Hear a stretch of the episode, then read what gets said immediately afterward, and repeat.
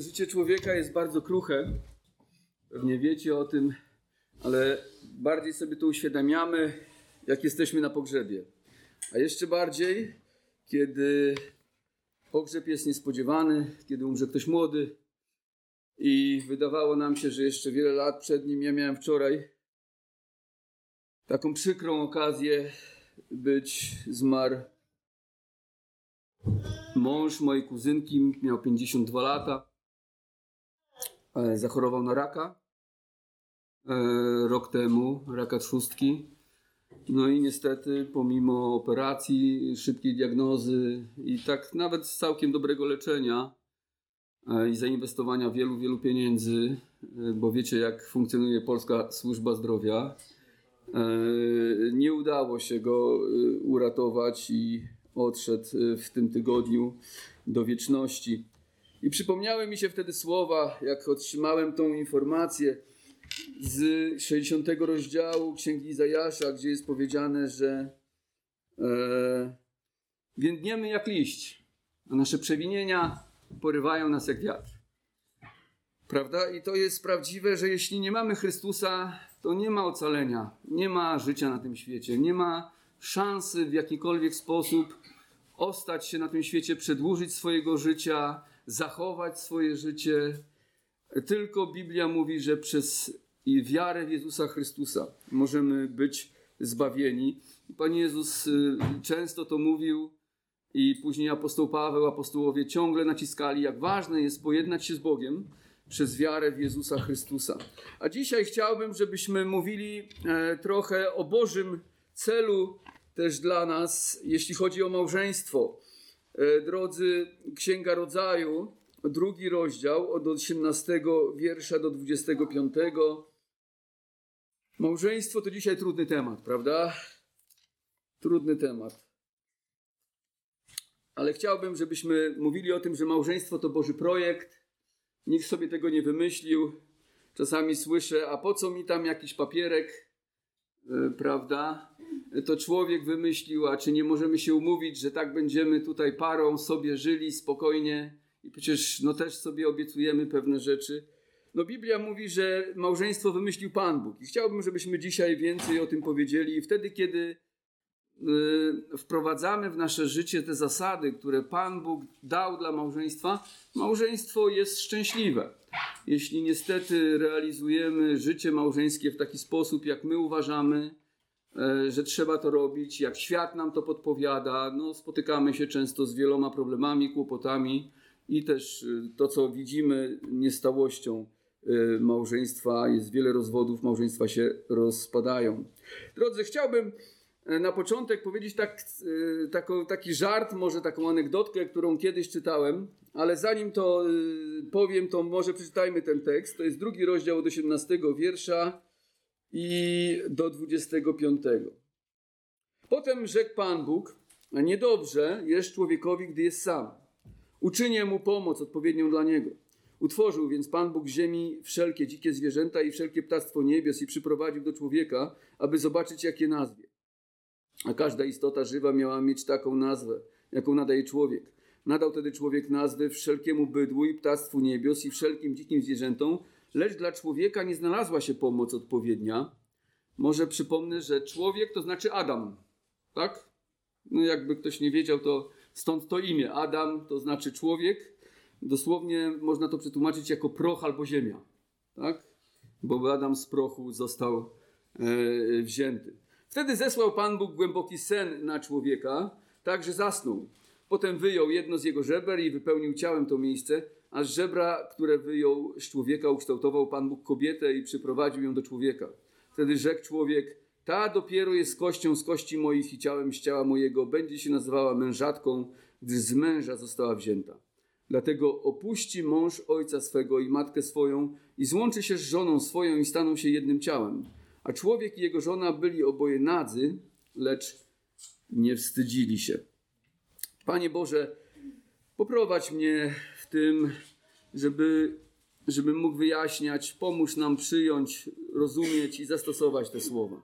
Amen. Taka, gdzieś słyszałem kiedyś taką żartobliwą anegdotkę odnośnie zawierania małżeństwa, że żona pastora dała ogłoszenie, że zatrudni kobietę do pomocy domowej. Ale długo się nikt nie zgłaszał.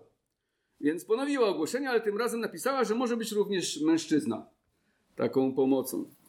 Następnego dnia rano przed domem pojawił się młody chłopak, a pastor otworzył mu drzwi.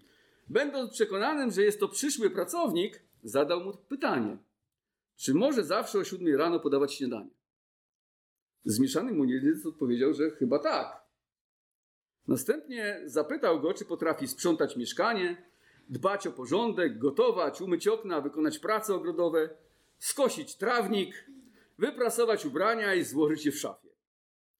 Ale z każdym kolejnym pytaniem pastor widział, jak przerażenie tego młodzieńca rośnie. Gdy skończył, wydawało się, że młodzieniec za nie mówił. Więc poprosił jeszcze raz, by odniósł się do tych pytań. Wtedy chłopak odpowiedział, że przyszedł do pastora, aby omówić przyszły ślub ze swoją narzeczoną. Ale jeśli małżeństwo wymaga spełniania tylu obowiązków, to już nie jest pewny, czy nadal chce się w to ładować. Eee, także pastor trochę wystraszył tego chłopaka. Oczywiście nie mówił o, tutaj o małżeństwie. Myślał, że to ten pracownik, prawda, który miał przyjść. Ale ta zabawna anegdotka przypomina nam, że małżeństwo nie tworzy się samo i wymaga pracy. Dobre, szczęśliwe małżeństwo wymaga pracy. Być może świadomość z iloma obowiązkami właśnie małżeństwo jest e, związane, powoduje, że z roku na rok jest zawieranych coraz mniej związków małżeńskich. Wynika to z przekonania, że małżeństwo ogranicza człowieka, ogranicza nas, nie pozwala się rozwinąć, odbiera nam wolność. Na pewno słyszeliście wiele dowcipów właśnie na ten temat, że jak już wstąpiliśmy w związki małżeńskie, to straciliśmy wolność, swobodę. Również większa ilość rozwodów w naszej obecnej kulturze stwarza taki obraz, że małżeństwo jest przeżytkiem i powoduje problemy.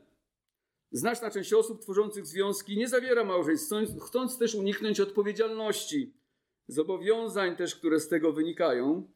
Jestem przekonany, że głównym powodem słabości małżeństwa w naszych czasach jest odrzucenie autorytetu Pisma Świętego. Jest odrzucenie autorytetu Słowa Bożego i przekonanie, że małżeństwo właśnie jest wymysłem człowieka. A skoro tak, to człowiek decyduje, co nazywać małżeństwem, jak je organizować. A to z kolei powoduje, że często małżeństwo nie działa. Prawda? Widzimy to, że nie działa. Jeśli człowiek decyduje, jak ma wyglądać małżeństwo, to małżeństwo nie działa. Ale jak widzimy w naszym tekście, projekt małżeństwa pochodzi od Boga. Tak? To Bóg stworzył Adama i Ewę i połączył ich razem. I przypominam, że opis zdarzeń tutaj z drugiego rozdziału, z tego naszego tekstu, z Księgi Rodzaju, ma miejsce w szóstym dniu, gdy Bóg stworzył człowieka. To więc jakby Bóg cofa się do tego szóstego e, dnia. E, tam wcześniej już czytamy w pierwszym rozdziale, 26 i 27 wierszu, że Bóg stworzył mężczyznę i niewiastę. Spójrzcie na pierwszy rozdział 27 26 i 27 wiersza. Potem rzekł Pan Bóg, uczyńmy człowieka na obraz nasz, podobnego do nas i niech panuje nad rybami morskimi i nad ptactwem niebios i nad bydłem i nad całą ziemią i nad wszelkim płazem pełzającym po ziemi. I stworzył Bóg człowieka na obraz swój, na obraz Boga stworzył go jako mężczyznę i niewiastę stworzył ich. I to było w szóstym dniu. I tutaj mówiliśmy o tym, że Pan Bóg taki ogólny opis stworzenia nam dał, a teraz w naszym fragmencie mamy taki szczegółowy opis, jak to Pan Bóg uczynił. Czyli wygląda na to, że Adama stworzył rano, tak? Adam jeszcze zdążył nazwać wszystkie zwierzęta, tak? I Ewa gdzieś tam pod koniec dnia została uczyniona e, z Adama. Mówię o tym dlatego, że możemy mieć wrażenie, czytając właśnie o stworzeniu Ewy, że minął jakiś długi okres między pojawieniem się mężczyzny i kobiety.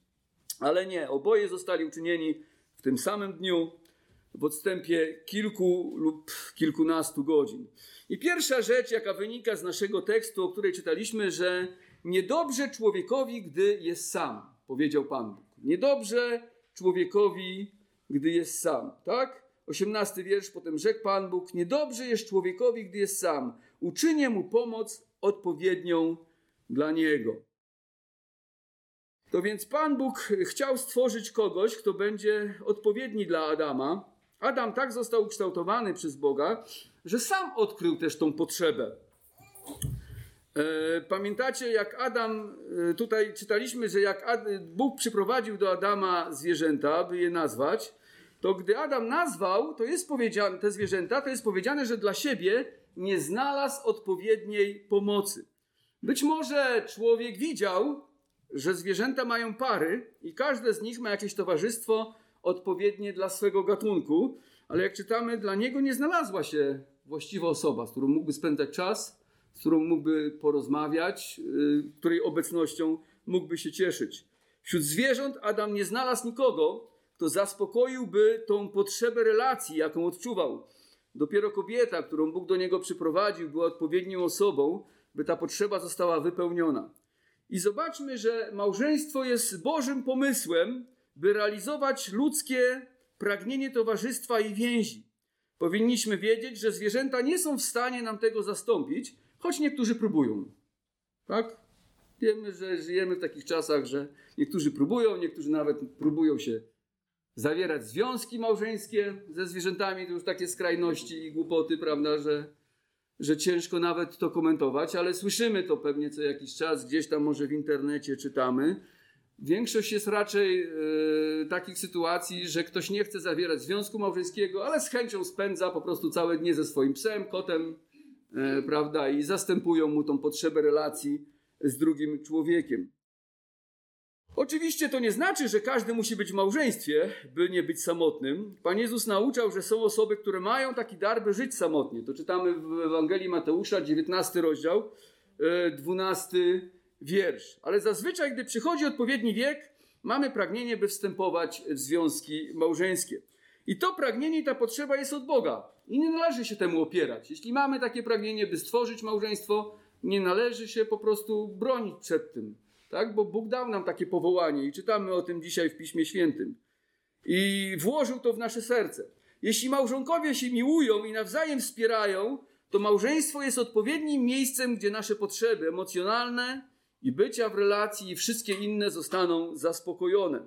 Jednak z powodu naszej grzeszności, złych doświadczeń, niewłaściwego obrazu małżeństwa, wiele osób nie chce wstępować w związki małżeńskie. Choć ostatecznie zazwyczaj i tak lądują w jakichś damsko-męskich relacjach. Tak? Nawet jak nie zawierają małżeństwa, to ludzie i tak łączą się w jakieś pary, tworzą jakieś nieformalne związki.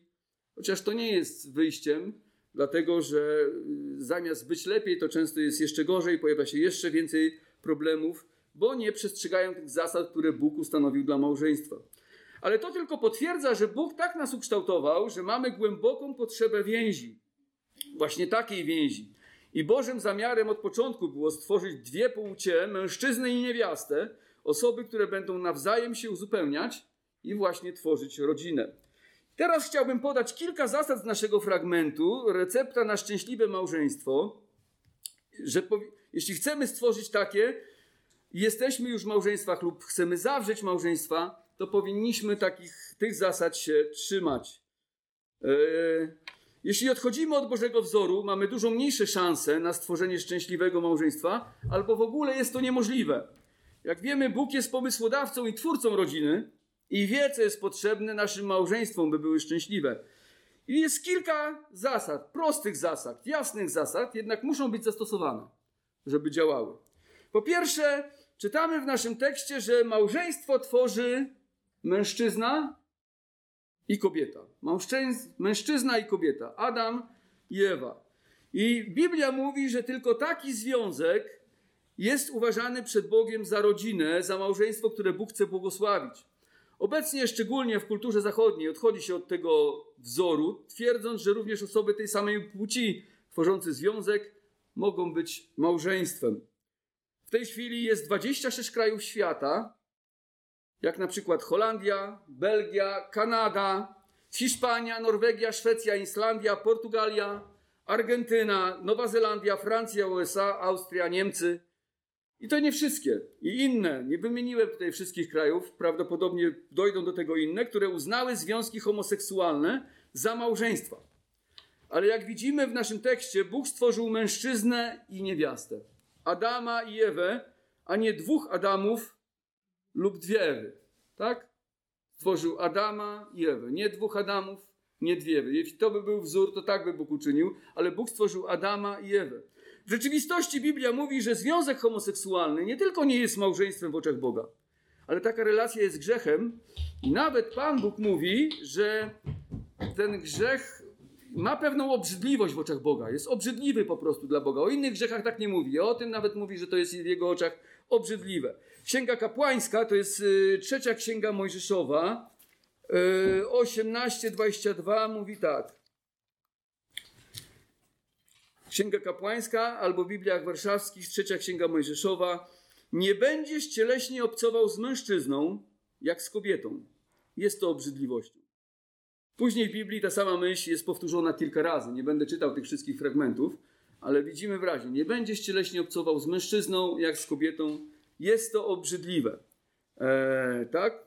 Tak samo jest obrzydliwe, jak dwie kobiety się łączą, i równie jest obrzydliwe, jak dwóch mężczyzn zawiera taki związek.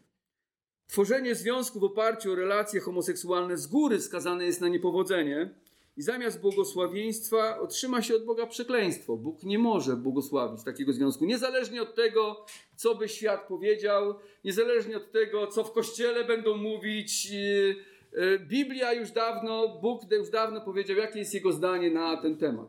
Bo teraz coraz więcej tworzy się takich kościołów, gdzie, no niestety, nawet w kościele mówi się, że Bóg nie ma nic przeciwko związkom y, homoseksualnym. Pamiętam, e, mój przyjaciel opowiadał mi, że pojechał kiedyś gdzieś e, za granicę, no i niedziela przyszła, chciał iść na nabożeństwo. Poszedł do jednego z kościołów luterańskich e, za granicą. No i pastor na początku wyszedł, przywitał zgromadzenie, no i przedstawił jakiegoś gościa, który właśnie był w związku homoseksualnym. Też pastorem był w związku homoseksualnym E, z jakimś mężczyzną, no i serdecznie ich przywitał. No i mój przyjaciel mówi, w tej chwili wyszli z tego zboru. Po prostu wiedzieli, że to nie jest Boży zbór. Tam, gdzie po prostu ludzie akceptują takie rzeczy, to Bóg nie może błogosławić tego.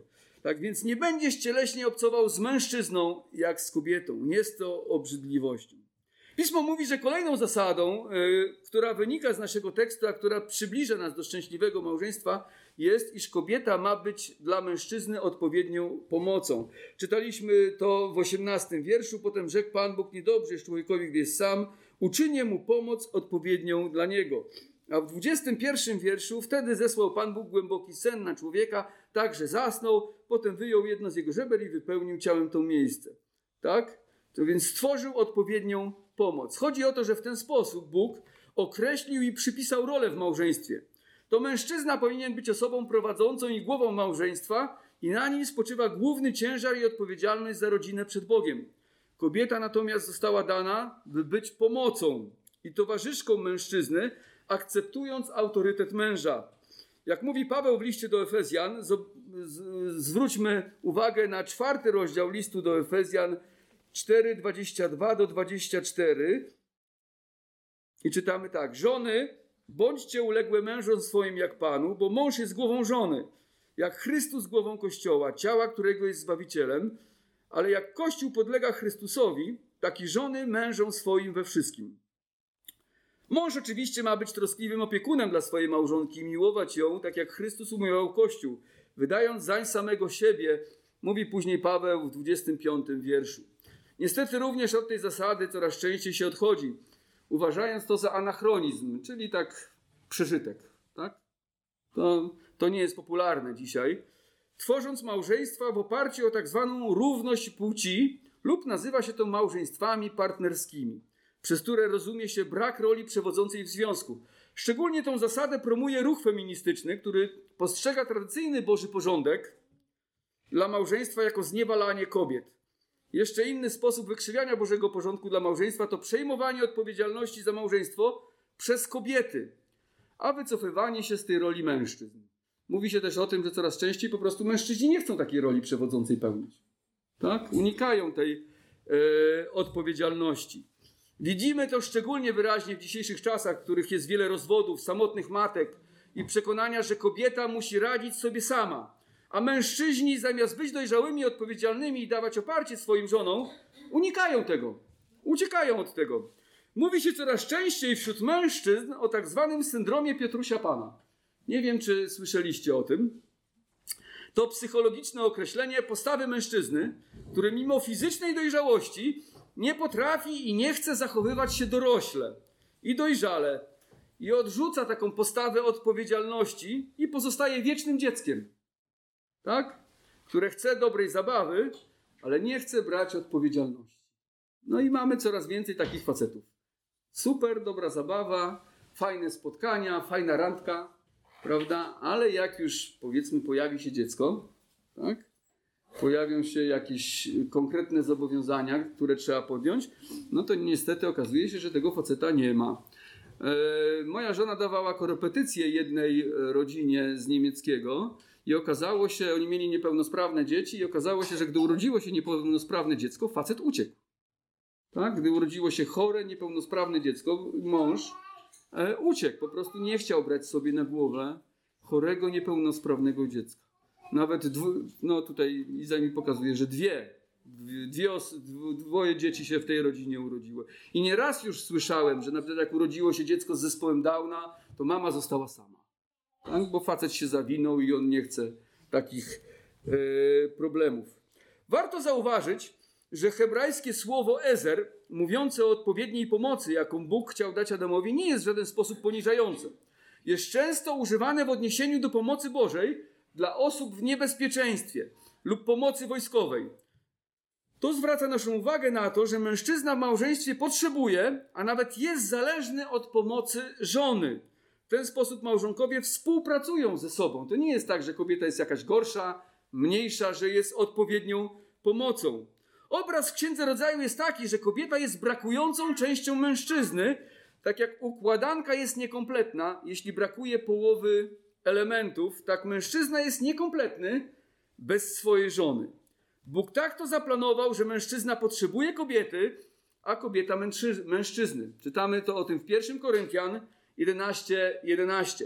Obie strony są równymi osobami, a jednak mają różne role do spełnienia. Tak? Choćby widać to wyraźnie, że mężczyzna nie jest w stanie rodzić. Tak? Kobieta może rodzić, ale Bóg nie dał takiego daru mężczyźnie, chociaż próbują. Tak? Niektórzy mężczyźni e, urodzić, no i medycyna dzisiejsza robi cuda na kiju, żeby też było to możliwe, ale Bóg tego nie zaplanował dla mężczyzn. Nie jest bez znaczenia, że kobieta została stworzona z żebra mężczyzny. Czytaliśmy w naszym tekście, że gdy Adam zasnął, tak, Wtedy zesłał Pan Bóg głęboki sen na człowieka, tak że zasnął, potem wyjął jedno z jego żeber i wypełnił ciałem to miejsce, a z żebra, które wyjął z człowieka, ukształtował Pan Bóg kobietę i przyprowadził ją do człowieka. A wiemy, że Adam został uczyniony z prochu ziemi. Kobieta została uczyniona z żebra mężczyzny. Wierzę, że chodzi tu o kwestię podkreślenia zależności między nimi i jedności małżeństwa, że są dla siebie przeznaczeni. Fakt, że Ewa pochodzi z żebra Adama, ma ich zbliżać do siebie, wskazywać na równość ich podobieństwa do Boga oraz mówić o tym, że żona powinna stać obok męża, bo jest częścią jego, co wyraził Adam, gdy zobaczył Ewę. Co on powiedział w 23 wierszu? Ta dopiero jest kością z kości moich i ciałem z ciała mojego będzie się nazywała mężatką gdyż z męża została wzięta. To więc Adam, gdy ją zobaczył, wiedział, że ona jest z niego. Nie, nie mówił, że jest z prochu ziemi, ale wiedział, że jest częścią jego, jest z niego. W języku hebrajskim to podkreślenie, że kobieta jest mężatką, bo została wzięta z męża, jest jeszcze bardziej wymowne, bo Ewa jest Isza, a Adam jest Isz. Tak? Adam Isz, Ewa Isza. Kiedyś w dawnym polskim języku było takie określenie na y, mężatkę mężyna. Tak? Teraz już nie, uży, nie używamy tego, ale właśnie tak określano. Tak? Mąż, mężyna, czyli to bardziej jakby podkreślało to, że z męża jest yy, ta kobieta. Ale język hebrajski właśnie wyraża taką zależność. Isza, kobieta, Isz, Adam. Zwróćmy uwagę, że Bóg stworzył zwierzęta i przyprowadził je do Adama, żeby nadał im nazwy. Nadanie imion zwierząt nie dotyczyło jedynie gramatycznych zwrotów, ale przez nazwę Adam identyfikował ich naturę i określał przydatność dla niego jako partnera. Wśród zwierząt znalazł takiego partnera? No nie znalazł. Nie znalazł, prawda? Nie było odpowiedniej osoby. Możemy się zastanawiać, dlaczego Bóg przyprowadził zwierzęta do Adama, wiedząc, że nie znajdzie wśród nich odpowiedniej osoby. Wydaje się, że Bóg uczynił to dlatego, by Adam rozumiał, że w świecie zwierząt nie znajdzie towarzysza życia i żeby nigdy nie myślał, że tam powinien szukać. Tak? W świecie zwierząt nie znajdzie człowiek towarzysza życia. Takiego, jakiego Bóg by chciał, żebyśmy e, znaleźli. Wydaje się, że część osób tego dzisiaj nie rozumie. Następnie Bóg czyni Ewę i także przyprowadza do Adama. Zobaczcie, Bóg przyprowadza do Adama Ewę, by zobaczyć, jak ją nazwie. Prawda? Czy Adam rozpoz rozpozna w niej? Kogo w niej rozpozna? Jaką naturę w niej rozpozna? Adam, widząc ją, jest zachwycony i mówi, że jest ona częścią jego, pochodzi z niego, z jego ciała. I choć jest inna, jest człowiekiem i dokładnie jest tą osobą, której on potrzebuje. Dokładnie jest taką osobą. I w tym tekście również pierwszy raz pojawia się poezja hebrajska. Na widok kobiety Adam układa hymn pochwalny. Prawda? Ta dopiero jest kością z kości moich i ciałem z ciała mojego. Będzie się nazywała mężatka, gdyż z męża została wzięta. I można powiedzieć, że Adam zakochał się we Ewie od pierwszego wejrzenia. No, tylko ją zobaczył, od razu się w niej zakochał. Była to miłość od pierwszego wejrzenia. A na jej widok ułożył właśnie ten hymn, co powtarza się do dzisiaj. U niejednego mężczyzny miłość do kobiety wyzwoliła romantyczną naturę, przez którą wyrażał swoje uczucia, może przez wiersz, może przez jakąś pieśń, może skomponował coś dla niej, może napisał list miłosny, czy jeszcze w jakiś inny sposób e, wyraził swoje uczucie do kobiety. Nawet jest cała księga w Biblii, gdzie przez poezję wyrażane są miłosne uczucia mężczyzny e, do kobiety i też kobiety do mężczyzny. To jest księga pieśni nad pieśniami. Prawda? Często gdzieś te fragmenty są cytowane podczas ślubów, nawet jakieś przysięgi z tej księgi. Drodzy, kolejnym warunkiem, który przybliża nas do szczęśliwego małżeństwa jest jeden mężczyzna i jedna kobieta na całe życie. No, trudny temat, prawda? Jeden mężczyzna jedna kobieta na całe życie. Takie było Boże zamierzenie od początku. Jest to wzór dla człowieka. Bóg nie stworzył jednego Adama i kilka kobiet. Nie stworzył trzy Ewy, dwie Ewy i jednego Adama i też odwrotnie, prawda? Bóg stworzył jednego Adama i jedną Ewę. Znowu tutaj widzimy, jak bardzo ludzie wykrzywili ten obraz. Choćby w islamie, no zobaczmy, prawda? Albo w innych kulturach. Kiedyś nawet pewien pastor mi opowiedział, że pojechał do Afryki, no i było nabożeństwo, no i pastor miał siedem żon to pastor siedem żon. Prawda? Jaka historia, po prostu ludzie. Nie? No ale okazało się, że pastor y, nawrócił się, gdy już miał te siedem żon. Tak? Nawrócił się tam z jakiegoś tam plemienia, gdzie tam było wielożeństwo. No już tam było wiele żon. No i teraz to zrobić? Którą żonę odprawić? Pierwszą, siódmą, e, prawda? No i więc on pozostał przy tym stanie i miał te wszystkie żony. E, no ale zobaczcie, to dzieje się tak dlatego, że odchodzi, odeszliśmy od tego Bożego wzoru. Ludzie odeszli od tego Bożego wzoru i bardzo szybko odeszli. Czytamy, że Lamech w czwartym rozdziale Księgi Rodzaju już miał dwie żony. Tak? Który był dosyć okrutnym człowiekiem. To więc na początku był wzór, jeden mężczyzna i jedna kobieta na całe życie. Ale niestety grzech spowodował, że ludzie zaczęli tworzyć nie takie małżeństwa, jak Bóg by chciał, żeby tworzyli. I Pan Jezus podkreślił to w 19 rozdziale Ewangelii Mateusza, że Bożym zamiarem od początku było, by ludzie się nie rozwodzili i żyli w monogamicznych związkach na całe życie. Jednak grzech spowodował, że nastąpiły rozwody, też e, ludzie zaczęli praktykować wielożeństwo. Oczywiście to nie znaczy, że osoby, które są w kolejnych małżeństwach, nie są w stanie zbudować szczęśliwego związku ale każde kolejne małżeństwo lub wielożeństwo niesie ze sobą problemy i dodatkowe obciążenia, z którymi musimy się zmagać w nowych relacjach. Kiedyś moja żona opowiadała mi o takiej książce, wprawdzie ja jej nie czytałem, ale ona czytała Żona Mormona. I tam akurat w tej kulturze mormonów jest właśnie wielożeństwo praktykowane. I właściwie czym więcej masz żon, to tym lepsze miejsce uważają, że będziesz miał w niebie. To więc ci mormoni mają co najmniej po 10 e, żon. I Iza mi opowiadała, jakie tam toksyczne relacje się tworzyły w tej rodzinie, między też tymi kobietami, między tymi dziećmi, które tam po prostu gdzieś tam były z tych kobiet. I ta rodzina no, była w całkowitym rozkładzie. Ale właśnie to wynika z tego, że odchodzimy od Bożego porządku i każde kolejne małżeństwo albo każde odejście od tego Bożego wzoru będzie stwarzało kolejne problemy, kolejne trudności i nie poprawi jakości małżeństwa. Wprost przeciwnie, będzie coraz trudniej w naszych relacjach małżeńskich. Czym dalej odchodzimy od tego, co Bóg ustanowił, tym trudniej zbudować dobre małżeństwo. Jak czytamy Biblię, to widzimy, jak szybko właśnie człowiek odchodzi. Tak? Już zaraz Lamech, yy, kolejne, to jest chyba trzecie albo czwarte pokolenie po Adamie. Już widzimy, że po prostu tworzy zupełnie jakieś takie yy, związki, których Bóg nie chciał, aby czyniono. Nawet jest bardzo okrutnym człowiekiem, tam czytamy. I jest dzisiaj wiele nieszczęśliwych rodzin, a także mnóstwo rozwodów i powtórnych małżeństw. Ale zawsze u źródła problemu leży grzech. To nasza grzeszna natura, egoizm, złe pragnienia, niechęć do zapierania się siebie, nałogi, zdrady, brak przebaczenia, złość, gniew, pycha i wiele innych powoduje, że ciężko nam zbudować szczęśliwy związek małżeński. I Bóg chce rozwiązać i rozwiązał ten problem naszego grzechu w Chrystusie. Ale należy w Jezusa uwierzyć. Wiara w Chrystusa nie tylko jedna nas z Bogiem i daje nam życie wieczne, ale stwarza dobry fundament do zbudowania szczęśliwego, błogosławionego małżeństwa. Gdy oboje małżonków wierzą w Chrystusa i kochają Go, to z pomocą Ducha Świętego będą dążyć do miłowania siebie nawzajem, taką miłością, jaką umiłował nas Jezus Chrystus. A ta jest niezniszczalna. Pamiętam, że dawno temu na jednej z ewangelizacji wyszedł brat, który składał świadectwo i powiedział, że jego żona nie musi się obawiać, że on przyjdzie do domu pijany. Nie musi się obawiać, że on ją zdradzi.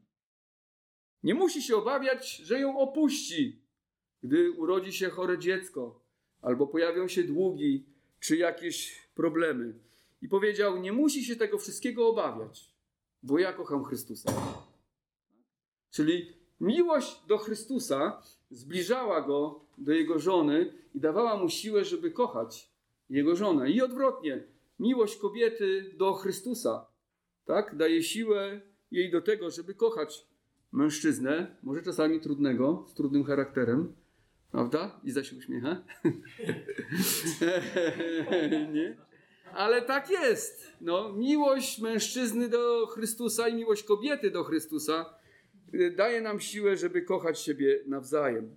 Dlatego też, gdy jako chrześcijanie myślimy o ślubie, to powinniśmy brać pod uwagę jedynie osobę wierzącą w Jezusa. Jeśli natomiast jesteśmy w relacji, gdzie jedna z osób jest niewierząca, to powinniśmy w takim małżeństwie no, trwać, dawać dobre świadectwo i modlić się o to, aby mój współmałżonek nawrócił się. Może kiedyś Bóg da nam taką łaskę i pomimo tego, że mamy niewierzącego współmałżonka, z czasem przez nasze świadectwo, przez zwiastowanie mu Ewangelii, w wyniku Bożego miłosierdzia i łaski Bożej, ta osoba się nawróci. Kolejna rzecz, czwarta rzecz, widzimy w naszym tekście, że potem, gdy Adam rozpoznał w kobiecie swą żonę, towarzysza życia, to złączyli się ze sobą, stając się jednym ciałem. Czytamy o tym w 24 wierszu. Dlatego opuści mąż ojca swego i matkę swoją i złączy się z żoną swoją, staną się jednym ciałem. Należy pamiętać, że Bóg zaplanował seks dla małżeństwa jako dopełnienie ich relacji.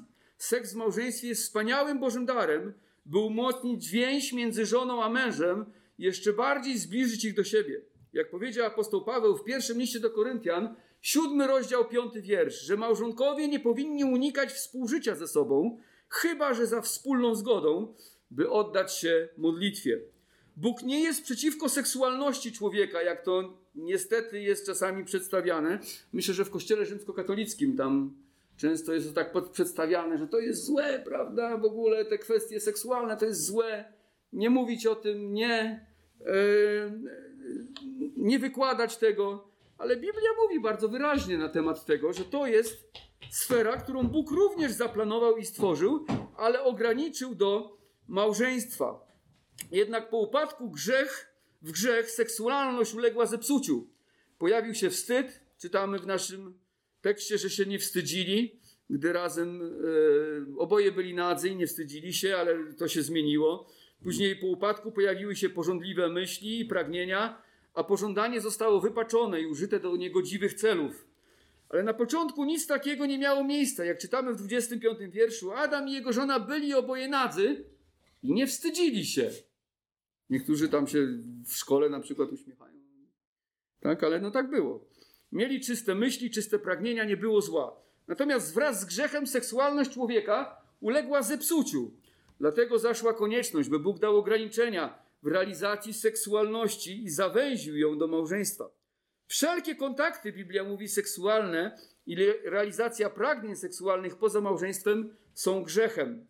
Weźmy sobie do serca, co mówi list do Hebrajczyków 13:4. Małżeństwo niech będzie we czci u wszystkich, a łoże nieskalane. Rozpustników bowiem i cudzołożników sądzić będzie Bóg. Tak więc Bóg nie jest przeciwko seksualności człowieka. Jest przeciwko, kiedy te pragnienia seksualne są realizowane poza związkiem małżeńskim. Seks w granicach małżeństwa jest błogosławiony przez Boga i służy do budowania związku, ale poza małżeństwem staje się często przekleństwem, powodem cierpienia i krzywdy wielu osób, ściągając na nas Boży gniew. Diabeł i świat próbuje nas przekonać przez media, filmy, obrazy i opinie bezbożnych ludzi, że Bóg ograniczył seks do małżeństwa, bo nie chce, by człowiek był szczęśliwy. Prawda? Często taki przekaz jest nam przedstawiany. Ale Biblia mówi, że jest to kłamstwo. Jest zupełnie odwrotnie. Dlatego, żebyśmy byli szczęśliwi i nasze małżeństwa były błogosławione przez Pana, powinniśmy dbać i się pilnować, by łoże było nieskalane. Zobaczcie, ile złych rzeczy się dzieje z powodu właśnie wypaczenia tego życia seksualnego. Ile cierpień, ile nadużyć, ile morderstw, ile wykorzystań człowieka, prawda? Należy pamiętać, że zjednoczenie seksualne jest czymś więcej niż tylko relacją fizyczną. Jest ono dopełnieniem zjednoczenia emocjonalnego i duchowego. Jeśli tych rzeczy zabraknie w małżeństwie, Również współżycie małżonków może być mało zadowalające i satysfakcjonujące.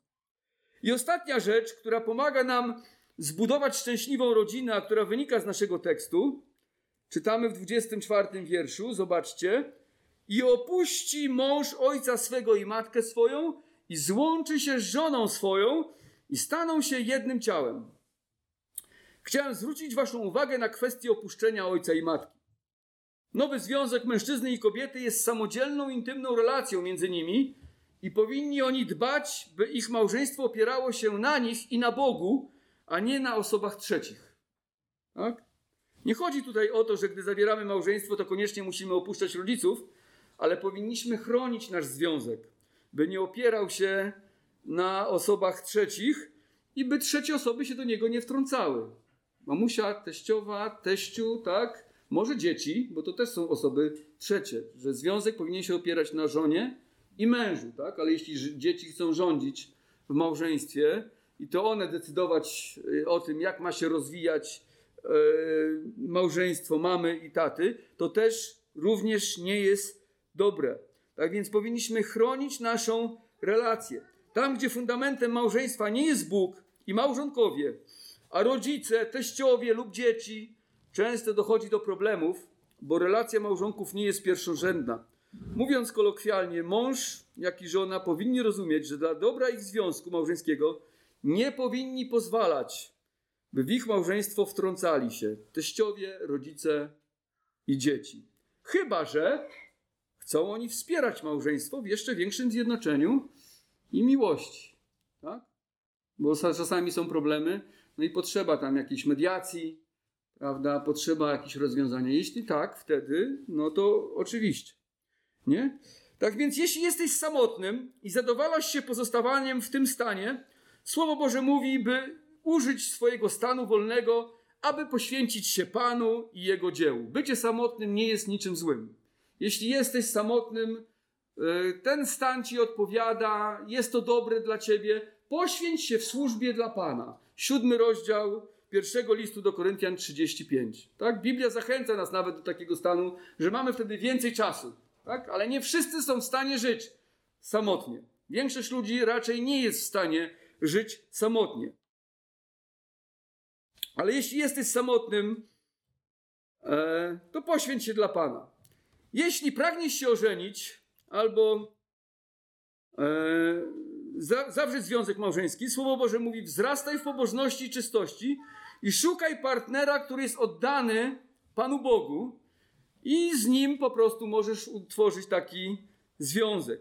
Wasz związek jest na całe życie i powinien być skoncentrowany na Bogu, tak aby dawał świadectwo miłości Chrystusa do Kościoła.